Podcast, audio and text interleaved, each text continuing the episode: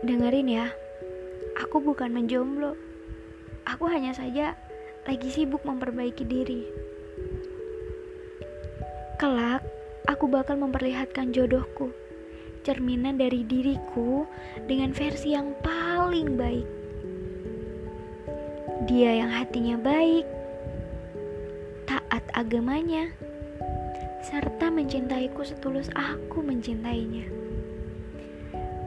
Kita yang dengan sabarnya saling mengingatkan jika salah satu dari kita melakukan kesalahan.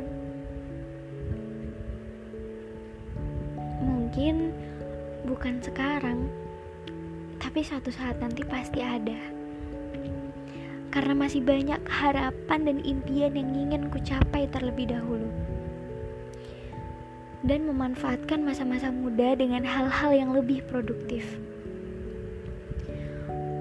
Untuk kamu yang sedang memantaskan diri, kamu hebat. Tetaplah menjomblo sampai kamu menemukan seseorang yang gak sekedar ngajak pacaran, tapi langsung ke pelaminan. Percaya deh, semua akan bertemu dengan orang yang tepat di waktu yang tepat.